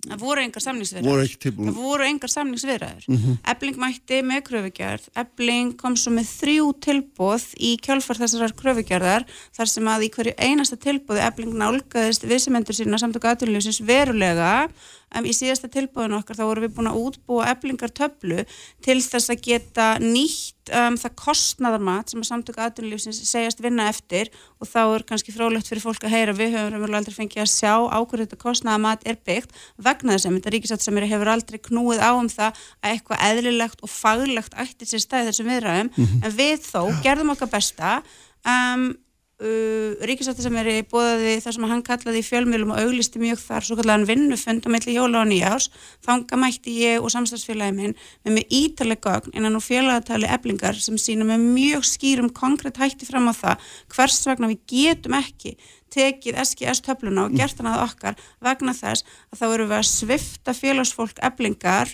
um, upphæðum. Þá nýtist ekki þetta kostnæðamat samtaka atvinnulífsins með eðlilegum hætti um, þá fær eblingarfólk verulega lægri hækkanir heldur en fólki í SGS félagunum vegna ólíkrar samsetningar félagatalsins vegna þess að eblingarfólk raðast almennt í lægri launaflokka og er með stittri starfsaldur á þennan vinnufund sem að ríkisáttar sem er í sjálfur bóðaði til mætti hann samt ekki. Og þegar ég spurði hvers vegna hann væri ekki þá var mér tilkynnt það að væri mikið að gera hjá hann og hann þurfti nú að hitta þyrlufljóman mm. þetta er auðvitað staðfesting á því hversu lítin áhuga hann hefur sínt þessari deilu, hversu ófaglega öll hans, öll hans nálgun hefur verið og um, það er um, aðdraðandi þessarar fráleitu ákvörðunar sem hann svo tekur Já um að uh, ganga þá bara alla leið og svift okkur okkar sjálfstæða samlingsrætti. En alveg sama hvernig allt spólast núna næstu daga, mm -hmm. þá þurfum við að semja. Að það, er, það er óhjöfkvæmlegt og, og þá spyr ég, ég menna Algjörlega. ætlar að setjast í sama herbyggjöður þessi ríkisátsasemina þú ert búin að tala við minna við hver, hver er það ekki óvinnandi vegur stjórnabíkar hefur náttúrulega sendt frá sér álegtun þar sem við segjum að ríkisátsasemina sé vanhæfur og við setjum fram þá kröfu að aðstöðar ríkisátsasemina verði bara skipaður annar aðili komið að borðinu til þess að emitt leiða mm. þá þess að deilu til líkta þegar að því kemur Já. en þá langar mér líka að segja vegna að það er mikilvægt Um, að það komi hér fram eins og ég var að lýsa hér á þá er það ebling sem hefur hvað eftir annað nálgast vissumendu sína með mjög faglegum, góðum jarðbundnum hætti mm -hmm. við höfum með málumnulegum hætti með rökum sínt fram á það hvers vegna að það er ekki hægt að þröngu upp á okkur þessari SGS launatöflu vegna þess að hún sviftir félagsfólk eblingar verulegum hækkunum um, við höfum um, útskýrt það Já. að sá kaupmáttur sem að mögulega myndi vinnast um, uh, með því að þessu erði þröngað upp á okkur, hann er verulega miklu, miklu minni en svo kaupmáttur sem að kemur til SGS fólksins vegna þess hversu svífurlega dýrt það er hér fyrir fólk að lifa á höfuborgarsvæðinu og svo framvegis og svo framvegis. Já, já. hvernig stendur á því að ríkisáttasemjari sem að byrja ábyrð á því að liðsina og sátt að miðla í erfiðum deilum hefur aldrei nokkun tíman látið við sem öndur okkar setjast niður og í það minnsta meðtaka þó þeir þurfa ekki verið þeim rökum sammála en um, þá röksamda færslu sem við höfum sett fram með skýrum mm -hmm. og málefnilegum hætti. Já, en það kemur náttúrulega líka fram í eitthvað tilbúið sem þið settum fram, held ég að verið 10. januar að ef það er ekki samþýtt eins og það er lagt fyrir mm -hmm. þá myndið þið hefja verkvalds undirbúning Jú. og þetta er, hérna, ég veit ekki hvort þú myndið kalla þetta samningstilbúð ja, þetta, þetta er bara þvingun. Nei, nei, þetta er ekki þvingun. Þetta er svona með ganga samningsviðræður um, oft fyrir sig Ef við gerum ekki alltaf sem við viljum þá erum við bara farið Æmmet ekki, þetta er akkurat alls ekki svona og um, Það stendur nú bara berum orðum í lokalínunni í plagginu Þetta er þriðja sem setjum fram. ég meina, guðmenn góður, þannig erum við búin að kröfugjörn, við erum búin að koma í um, samningshug á hvern einasta fund sem að haldin hefur verið þetta er þriðja tilbúið mm. sem við leggjum fram þar sem í hvert einasta skipt mm. við erum búin að slá verulega kröfum okkar og á þeim tímapunkti mm. er það staðreind óumdeilanleg að um, samtöku aðtunlýfsins hafa ekki stýð svo mikið sem eitt pingu lítið skref til þess að mæta okkur mm -hmm. en þá vil ég samt fá hér að nefna Já. vegna þess að það dregur líka upp með enn skýrari hætti hversu svífyrðileg þessi meðluna til að ríkisáttu sem er er þar sem hann einfallega tekur aðtunlýfsins við starfsgrannarsambandið nákvæmlega eins og hann liggur fyrir og setur inn í sína meðluna til þess að gefa eblingu eitt einasta tækifæri til þess að mm. gera aðtöðasemtir eða til þess að fá að útskýra málið en, en eina ferðina þá já, er það já, svo já. þó aldrei hafi verið látið á það reyna mm. að samtök aðtunlýfsins hafa sagt að þau væru tilbúin til þess að um, aðlagast með einhverjum hætti mm -hmm. nálgun um, eblingar. Hvernig stendur á því að ríkisáttasamveri heyrði ekki þessi orð og leti eitthvað svona gerast? Er það vegna þess að hann um, vildi það ekki? Er það vegna þess að hann trúði því ekki að þetta væri... Trúði því ekki að þetta væri sett fram með einhvers konar einlegum með hefðum hætti á samtökum aðljósins hver svo sem ástæðan mm. er þá er ekkert hversu langt sem menn vilja reyna að seglast til þess að afsaka eða útskýra gjörðir hans þá eru þeir ekki útskýranlegar eða afsakanlegar. Mm. Þær eru einfallega lögbrot, hann hefur einfallega brúðist skildum sínum sem ríkisagt sem eri og um, það er óþálandi. Segðu mér aðeins, sko, þegar þú mættir til hans að klokkan halv tíu hvað hefði þurft að vera í miðlunartilögunni til þess að þú hefðir geta sagt já ég... hefður einhver tíma geta sagt já? Í alveg tala. Nefnir að, að miðlunartilögun hefði náttúrulega aldrei verið hún hefði aldrei verið tilbúið ykkar frá tíunda jan í, í, hérna, í heilsinni Ég tek skildu mína sem formaði félagsins formaði samningarna, það er mjög alvarlega. Mm. ég starfa af hotlustu við félagsfólk og ég ger mig grein fyrir því að ábyrð mín er um þetta að gera kjærasamning sem formaður um, og á einhverjum einasta tímabúndi tekið það hlutverk eitthvað með lettvægum hætti eða til sjálfur með trúum að það sé ekki mín grundvallar skilda, all, alls ekki um, það sem að er uh, svo ótrúlega ramt við það sem gerist mm. er það að ekki á einum einasta tímabúndi í aðdraganda þess að ég mæti á þennan fund staðfestir uh, ríkisáttu sem er við mig að hann ætli sér þarna á þessum fundi að leggja fram miðluna tilög þannig að þegar ég fælst á að mæta klukkan 9.30 þennan morgun eftir að hann hefur hótað mér einhverjum ótilgreindum aðgerðum ger ég það ekki sem ég hef svo aldrei fengið svar við hverjir ættu að vera þá trúi ég því enn að þarna ætli hann þá, já, að kynna miðlunatilögu en það verði þá einhvers konar samtal og það verði í það minsta, bara samkvæmt lagana hljóðan bóðið upp á það að við komum okkar aðtóðsandum þá á framfæri að við fáum einhvern eðlilegan tíma til þess að skoða um, innihaldið að það verði eitthvað sem að kalla megi að ráðgast. Það er alls ekki svo. Mm -hmm. Þegar ég mæti, eins og ég var að segja hér áðan, þá gerist það innan við bara fyrstu mínútu uh, -hmm. fundarins, ég, ég er bara rétt sæst, að mér er afhengt tilbúin meðluna til það. Tilbúin og fundurinn er vissulega klukkutíma langur en hann er, um, það sem gerist á þeim fundi er ég og, og samstagsmenn mínir sem er þetta með mér reyna ítrekkað að útskýra fyrir ríkisáttasamira að ef að hann virkilega gerir þetta og ef að þessi meðluna til að náðu fram að ganga sögum þeirra ótrúlegu og ólýðræðislegu regluna sem að mhm. gilda um kostningar um, atkvæðagreislur varðandi meðlunatilögu þá sé hann sem hafa óttur í feldar, glemum því ekki. Já, í auðvitað félagum sem eru með miklu, miklu smerra félagadal, ég er ekki að gleyma neinu, ég er okay. eftir bestu getu að reyna að útskýra mm. bara staðrendi málsins um, á þessum fundi, þá útskýrum við aftur og aftur og aftur með sívaksandi þunga að ef að þetta gerist þá muni hann bera ábyrð á því að hafa af eflingarfólki alltaf 20.000 króna hækkanir mm. að þessi niðurstað, þessi SGS-tabla muni skila eflingarfólki alltaf 20.000 krónum lægri hækkanir með fólkin út á landi og í beðan með sívaksandi þunga að um, svara því hvernig óskopunum það standa á því að það sé ekkert í þessari miðlunatilögu sem að taki nokkuð sjónamið nokkuð tilliti sjóna með eflingar. Ekkert svar, ekkert svar. Ég spyr hann þegar ég stend upp og er að klæma í úlpunum mína eftir klukkutíma fund hvernig hann ætli sér að ofinbera þetta plagsitt fyrir alþjóð. Hann svarar setna í dag og það er ekki fyrir ég lappa út af þessum fundi sem ég áttu mig á því að hann er búin að búið að blada manna fund klukkan 11 sem á þá hefjast 20 mínútum eftir ég lappa þarna út ætlar einhver að segja mér að þetta sé eðlilegt að þetta sé verjanlegt, afsaganlegt framförði hjá valda miklum embættismanni mm. ha, sem að hefur það lögbundna hlutverk að vera einmitt sátt að semjari, að leita leiða til þess að liðsina fólki í erfiðri kjaradeilu, samningsaðilum að finna einhverja nálgun til þess að landa málum aldrei ekki, það getur enginn haldið því fram, þannig að þetta er óafsaganlegt og óverjanlegt allt sem að þarna gerist, það getur enginn varðið þetta nema með því að seilast ótrúlega langt, nema með því að líta fram hjá öllum fordæmum, með því að hunsa innihald lagana, með því að láta eins og hefðir,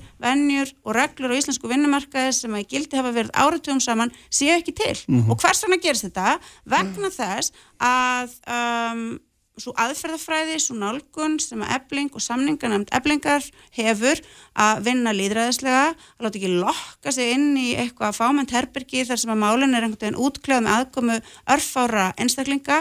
Við gerum ekki hlutina svona, við viljum vinna í líðræðislegu opnu eh, vinnuferli Við leifum félagsfólki að stýra því hvað þau eru tilbúin til að sætta sig við og við höfnum því mm. að upp á okkur séu um, upp á okkur séu þröngvað samningum sem sviftir okkur meira segja því að þetta svo kallaða kostnæmat samtaka aðunlýsins nýtist að fullu. Mm. Hvers konar böll er þetta eiginlega? Hvernig getur fólk varð þetta? Hvernig getur fólk varðið þetta? Það er ekki hægt. Nei, nú verðum að eh, hérna, ljúka, minna, hvað gerist núni í, í næstu viku? Hvað gerist? Hvers, hversu, ég er forvitin að vita, hva, sko, hversu miklu áhætt er þetta að taka? Ég veit það ekki. ég er náttúrulega lítið ekkert, ég lítið ekki, svo ég sé þetta áhættu, ég lítið svo á að ég sé að sinna skildum mínum sem formaður í tvígang liðræðislega kjörin mm -hmm. eblingar. En ef miðlunum til hann er þið ekki fælt?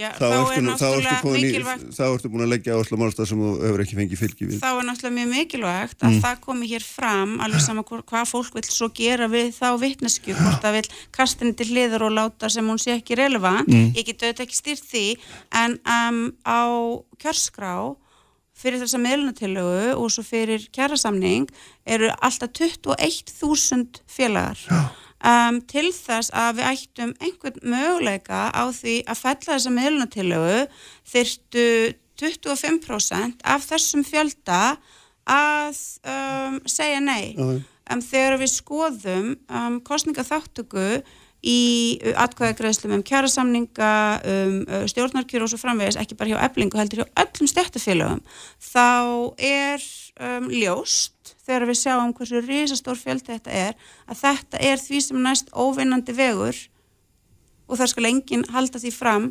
að ég sé á einhverjum flóttandan félagsfólki alltils ekki, síðan 2018 hef ég og félagin minn lagt alla áherslu á það emmitt að mm. líðræðis að félagið að byggja og hvetja og sækja fólk til að koma til þáttöku í líðræðislegum störfum og svo framvegis en þetta fyrirkomulag sem ég reyndar bara skil ekki að sé inn í lögum, ég skil ekki að um, fél og vinnandi fólks hafi sætt sér við þetta mm -hmm. ólýðræðislega og svífurlega fyrirkomulega gerir það auðvitað verkum að, um, og þess vegna líka veit ríkisættasemjari að hann getur farið fram með svona ósefnum hætti. Og hann telur að ekkit annar menni gerast heldur hann að fari í þessa, um, þessa aðkvæðagreyslu og að neðustan sér að bara fyrirfram ákveðin. Þótt að allir mm.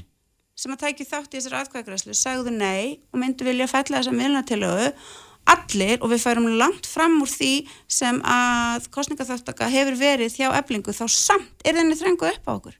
Finnst fólki þetta að vera eðlilegt? Finnst fólki þetta að vera líðræðislegt Nei, það getur bara alltaf verið. Og þess vegna held ég mm. ekki bara öll hreyfing hins vinnandi fólks hafi risið upp og tekið afstöða með eflingu þessari deilu um, heldur það líka ástæðan fyrir því að aldrei nokkur sinni hef ég fundið jafn mikinn stöðning og nú við málstað eflingar, aldrei nokkur sinni mm. það einfallega dinja á okkur stöðningsyfirlýsingarnar og það er vegna þess að sama hvað fólki finnst um svo kallega umdelda fórastu eflingar þá sér fólk að þetta er graf alveg aðför að um, því sem að við hér á þessu landi tökum í alvarlega sem er frjáls samningsréttur vinnandi fólks til þess að ná niðurstuða mm -hmm. það hvað það getur sætt sig við fyrir unna vinnu Ljófandi, ég held að við komumst ekki lengra.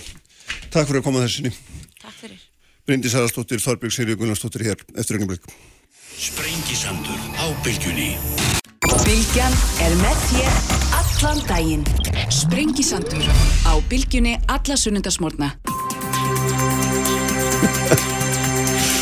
Sælustundur Solveig Anna Jónsdóttir farin frá mér eftir yfirferð sína hér er stöðuna í þessari gríðala flóknum deilu uh, eflingar og samtaka atvinnulífsins og hendar eflingar og ríkisáttar sem er líka sem hann haldir nú allir til haga. En það eru sestar hérna aldinginskonuna Bryndis Haraldsdóttir og Þorbjörg Sigurður Gunnarsdóttir. Sælar blessaða báðtver velkomnar æfinlega uh, aðeins að fara yfir hérna svona helstu mál með ykkur eins og við náum.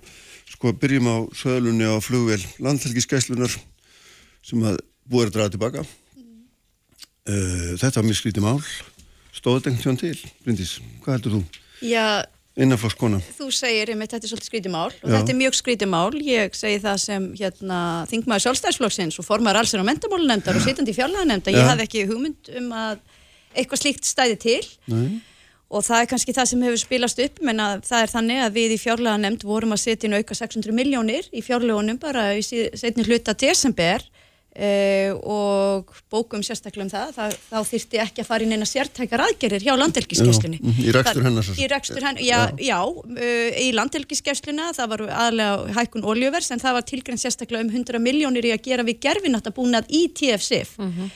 Þannig að auðvitað kemur það okkur hérna svolítið spánst fyrir sjónir að, að svo bara einhverjum vikum setna sé verið að tala um að selja vélina og landilgiskeslan sé það því mótfallin en ráðurna sé að leggja það til. Mm -hmm. Þannig að eins og segir þetta er mjög skrítimál uh, og þetta er salan sem að ekki varð nei, nei. og ekki, ekki verður eh, nei. nei, sko, en að því sögðu þá Já. er ég auðvitað alltaf hlind því að það sé skoða hvernig er hægt að sko, stöðla hagkvæmni í ríkisregstri og ef að það er raunverulega þannig eins og ráð þeirra hefur sagt og mér skilst að hans ég að láta vinna einhverja vinnu úttækt á því að, að það sé þörf á að fara endur nýja þessa vél, mm. það þörf á að breyta einhvern veginn rekstramótilinu, fá minni vél eða öðruvísi vél, að þá er ég auðvitað bara mjög spennt að sjá það niðurstöð En það er allt annað mál en þetta. Það er alveg rétt og þess vegna held ég að þarna, eins og ég segi, þetta er eitthvað skríti mál og hvernig þetta spilast allt saman saman Eh, og ég menna ég þekki nú bara Jón Gunnarsson að því að vera mikil björgunarsveita maður og, og hafa mik mikil áhuga á almanna vörnum mm.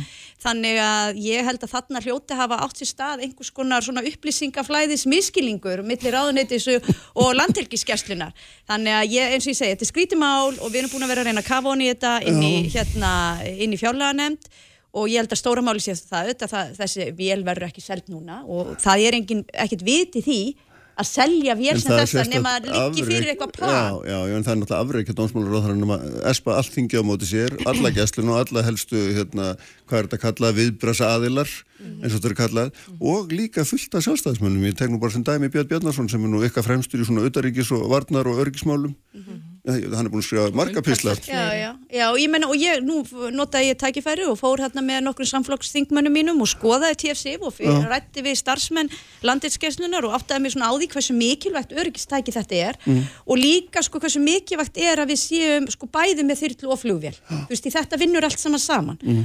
Og það er auðvitað þannig að, að varnir landsins eru alveg gríðarlega mikilvægar og almanna hérna eh, hagsmunir í því, mm. þannig að ég held að það sé alveg ljóst að það er ekkit hægt að fara í sölu á vél nema við séum mm. með plan um hvað þið að gera í staðin mm -hmm. og það er kannski það sem að hérna, við þurfum að fá tækifæri til þess að ráð þeirra þarf að fá tækifæri til að útskýra fyrir okkur hvert það plan er Já, endur stónum starfsæfin eins og þetta er Þarbjörg, þú varst kampakátt með þetta ferli Já, já.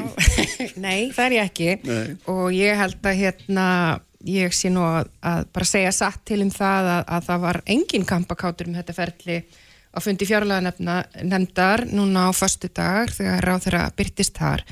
Að því að það í ferlinu, eða í aðdrandar fjárlega gerðarinnar e, þá var engin ráþyra sem kom jafn oft e, á fundi nefndarinnar og þessi ráþyra og hann var þar að taka ákveðin slag fyrir löggæslu og, og, og e, mjög slæma stöðu í fangelsismálum og lagði fram gögnum um tölur og verulegan þar aldrei flaggaðan neinu í þessa veruna. Það er til kvótra ráþyrannum sem síðan fagna því hversu vel fjárlanemnd hafi stutt við hann í, í, í þessari vegferð og kvótum það að e, framlög fjárlanemndar síðan tryggja viðbraksgetu gæslunar og í því samingi er svo fullkomlega fráleitt að mm. sami ráð þeirra siti við brefaskiptir fjóru, fjórum vingum setna þar sem hann fyrirskipar sölu á einu sérhæfðu leitarvélinni, björgunarvélinni og eftirlitsvélinni mm. eh, og að því eins og Bryndi segir að það kom hvergin eitt fram um það að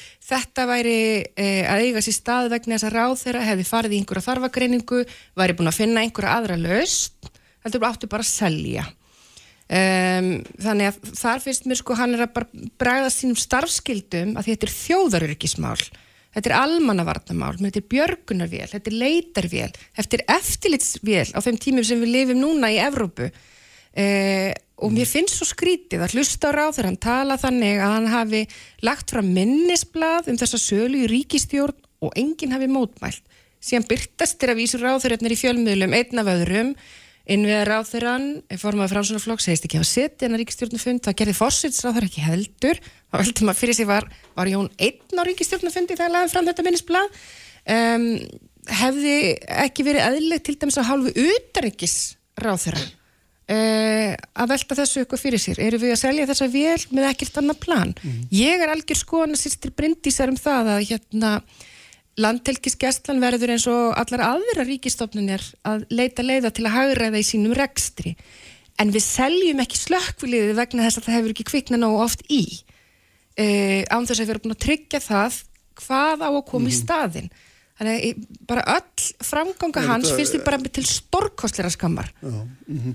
En þetta er engin saga um það hvað er erfitt að skera niður í ríksverksvíð í raun og veru þegar allt kemur til alls þá er það bara eila vonlust Við allavega sátum fram með fyrir því mitt í fjárlögunum núna í desember að það er bísna erfitt og taland um þessi málaflokka sem eru myndi undir dómsmálaráðanitun og við vorum að vinna sérstaklega með sem var löggjastan og fangilsismála hérna, eh, fangilsmálun okkar að þegar sko svo stór hluti af rekstrakostnaði er launakostnaður. Mm -hmm. og við vitum öll að laun hafa bara verið að hækka þá er það auðvitað mjög erfitt En sko hvað landilkisgestuna varðar að þá held ég að sko okkur ætti að vera það ljóst að við þurfum í rauninni meira viðbrað því að þessi vél hún hefur verið mjög mikið erlendis og of lítið hér. Við höfum auðvitað verið að sinna frontex-verkefnum algjörlega, þannig að ég held að sé, hér sé bara tækifæri til að ymmit að rína það hvaða mm -hmm. viðbrað við þurfum og tek undir með byrni Bjarnasin í því að við þurfum meira viðbrað hérna heima mm -hmm. heldur en verið hefur. Mm -hmm og ég, þegar ég lappaði út úr TFC þá sagði ég, já, ok, við þurfum svolítið að kaupa aðra svona vél en ekki selja þessa. Því það, það, það er svolítið svolega sem þetta lítur út fyrir, en, en sko spurningin er svo er hægt að gera þetta með einhvern veginn öðrum hætti skinsamari hætti,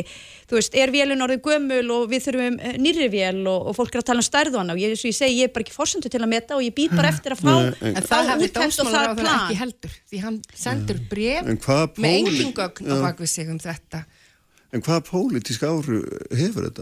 er þetta bara svona mál þar sem að menn bara hætta við og svo bara halda allir áfram og eru bara glæra káttir hefur svona lagað engin pólitísk áhrif á Ég held að það hafa minnstakosti þau áhrif innan fjárlega nefndara það er orðin fullkominn trúnaðabrestur yfirleitt er staðan svo að ráð þar að kemur fyrir nefndina og talar fyrir sínum fyrir sínar stopnarnir, mm -hmm. gerir grein fyrir stöðunni, mm. þegar það kemur síðan í ljós núna að það var að teiknast þarna upp einhver veruleiki eða einhverju hugmyndir í hausir áþörans um aðgerðir án þess að hann nefni samskipti við landtelkisgesslunar og hvað gesslan er að segja honum.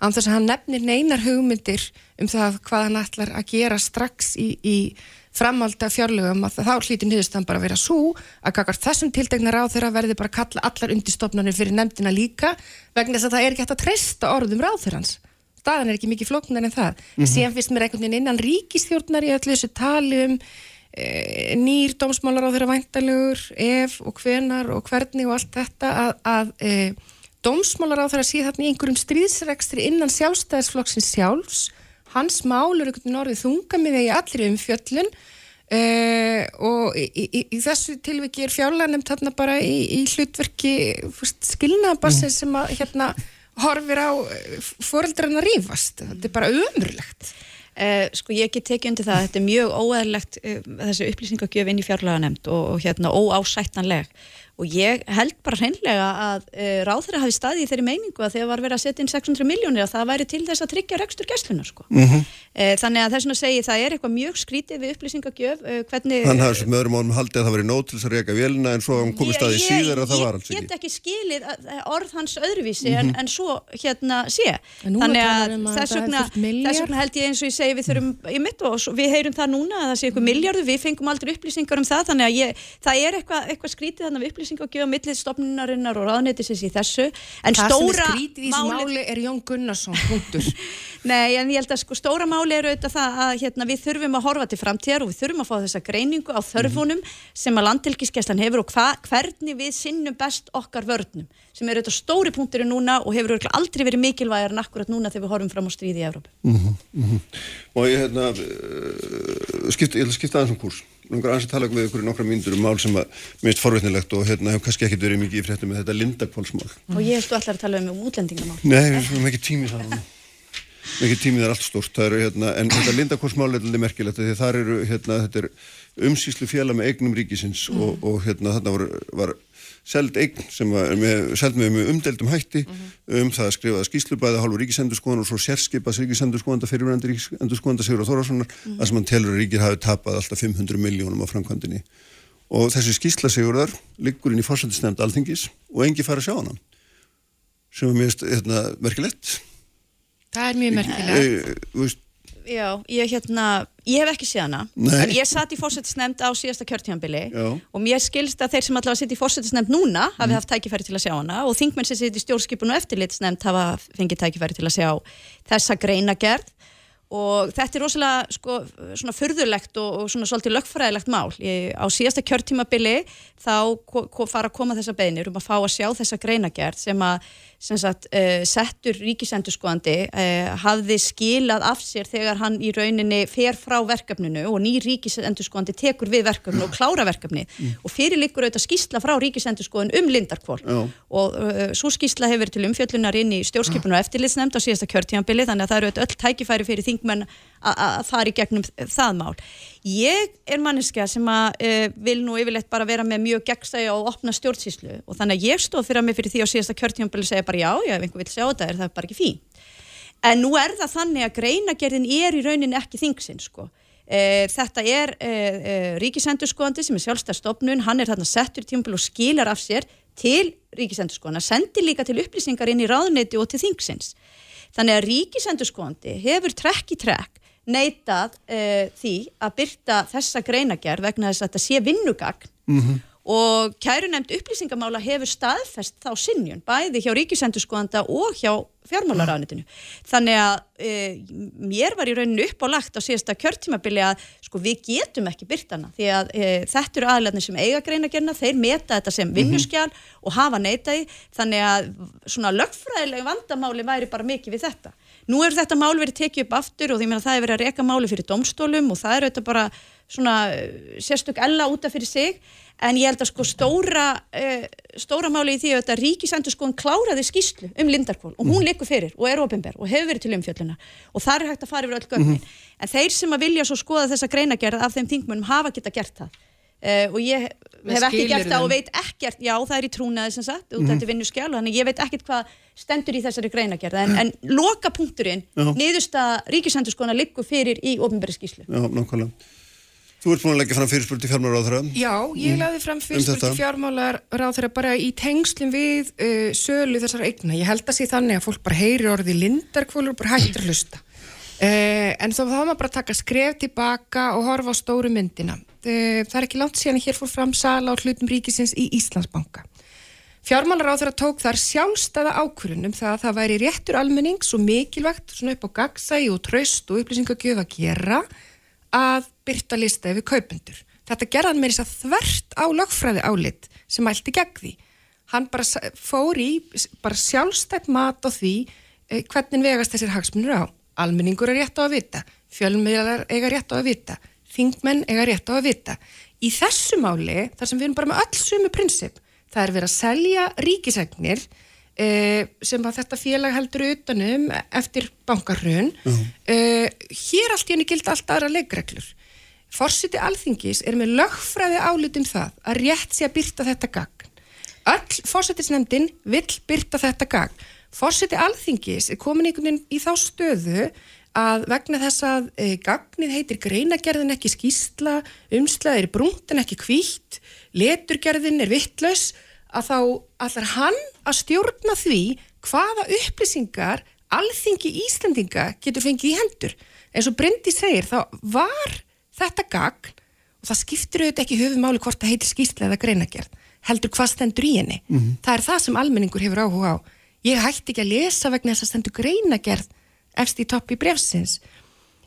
Lögfræða álitum að rétt að byrta, þingi við það allt, fórsiti er fórsiti alls þingsins. Hann er ekki þarna sem var að þundu sjálfstæðsflokksins mm -hmm. og á ekki vera það. En hann er komin í þá stöðu þegar hann er í stríði við alþingi og einhvern veginn farin að vinna gegn meginreglunu um byrtingu, gagna og upplýsinga. Hann skamtar gagnum ofan í alþingi og það er einhvern veginn eins og að gleymist í þessu að því, þú veist, lögfræðilegt og lögfræðilegt ég er lögfræðingur, en stóra myndin er svo megin reglan er að byrta upplýsingar eh, og þá þarf að raukst yfir allt annað. Mm -hmm, mm -hmm en sko þú segir það líkur fyrir lögfræðálit það líkja reynda fyrir mörg lögfræðálit um það ymmit að þingið megi ekki afhenda þessa greinagerð Fossetti var sjálfur, en, en, annar að skoðan hangur til allt í ja, nei, en svo kemur, svo kemur annað eh, hérna lögfræðálit núna mm. sem að segja að svo sé. Þannig að mér skilst þetta mál sé enþá í, í hérna vinslu inn í fórsettisnefnd og og hérna það verður bara áhugavert að sjá hvaða niðurstu fólk kemst að þar. Það en eins og ég segi meðferðar, hann bara situr þetta á dagskrá aftur og aftur og aftur til nú, þess að þurfi ekki taka ákveð uh, nú sitt ég ekki fórsetsnafn þannig ég veit ekki hvernig staðan er þar en eins og ég segi þetta var líka mikið rætt á síðasta kjörtímanbili og, og hérna